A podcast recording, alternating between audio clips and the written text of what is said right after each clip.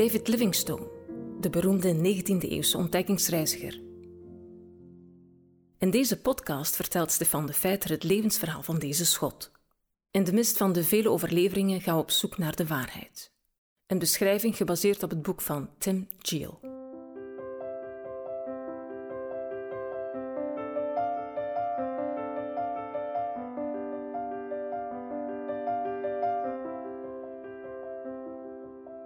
David is 27 jaar als hij klaar staat om naar Zuid-Afrika te vertrekken.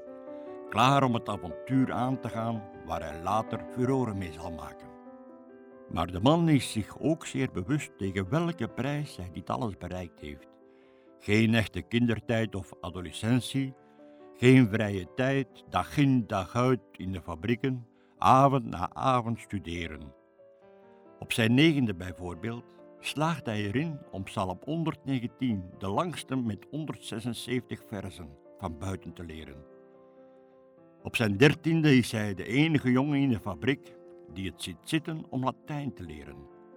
Op zijn 21ste is hij bereid door een sneeuwstorm te lopen om geen college te missen.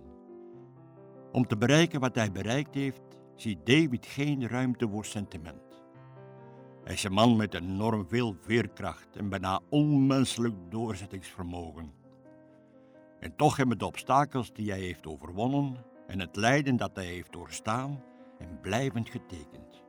Hij zal anderen nooit anders kunnen beoordelen dan naar de maatstaven die hij voor zichzelf heeft vastgelegd. En naarmate de tijd verstrijkt, zullen deze maatstaven minder flexibel worden. Ook zal hij weinig geduld hebben met opvattingen die tegengesteld zijn aan de zijne.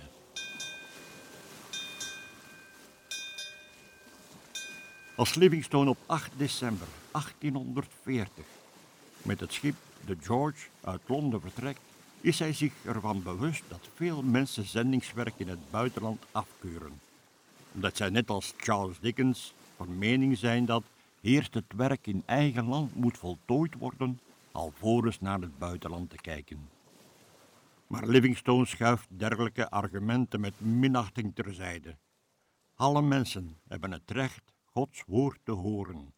Geen natie zou het evangelie moeten oppotten als een vrek.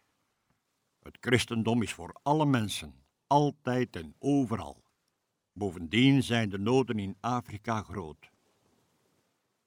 Livingstone is helemaal niet verontrust als hij de Londense dokken achteruit ziet gaan.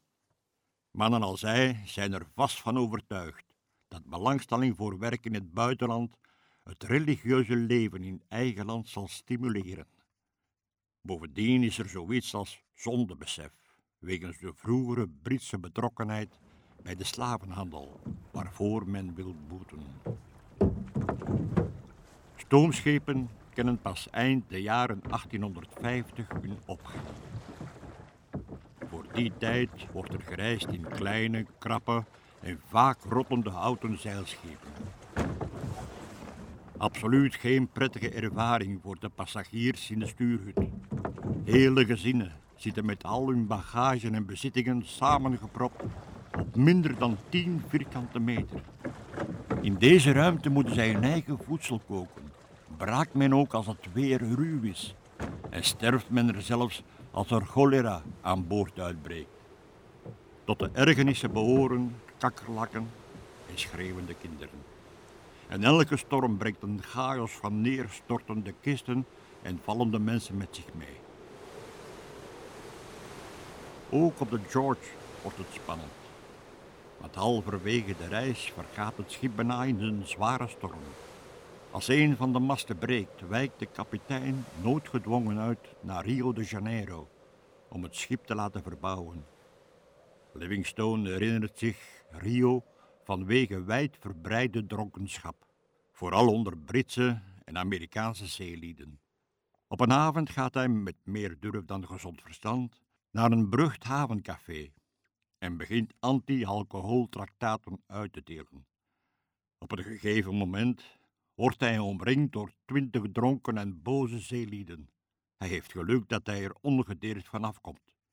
Het incident bewijst zijn moed, maar onderstreept ook zijn vooringenomenheid. Tien jaar later heeft hij veel geleerd en zal hij over alcoholisme zeggen: Ik moet milder oordelen over daden waartoe ik zelf niet in verleiding kom. Maar op zijn 28ste is Livingstone intolerant, bekrompen en zelfingenomen. Hij is ook vastberaden, moedig en doorzettend. Tezamen maken deze eigenschappen hem niet sympathiek, maar gezien zijn kindertijd en jeugd zou het vreemd zijn geweest als hij nu eensklaps een gepolijste, vriendelijke en ruimdenkende jongeman zou zijn geworden.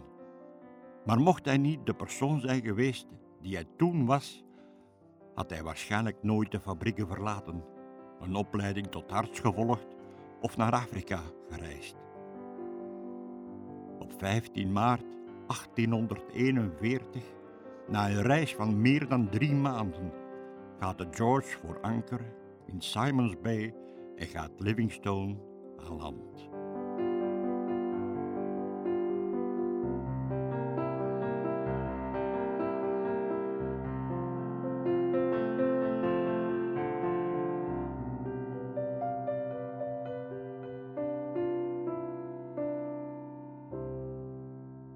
Dit was een podcast van TWR.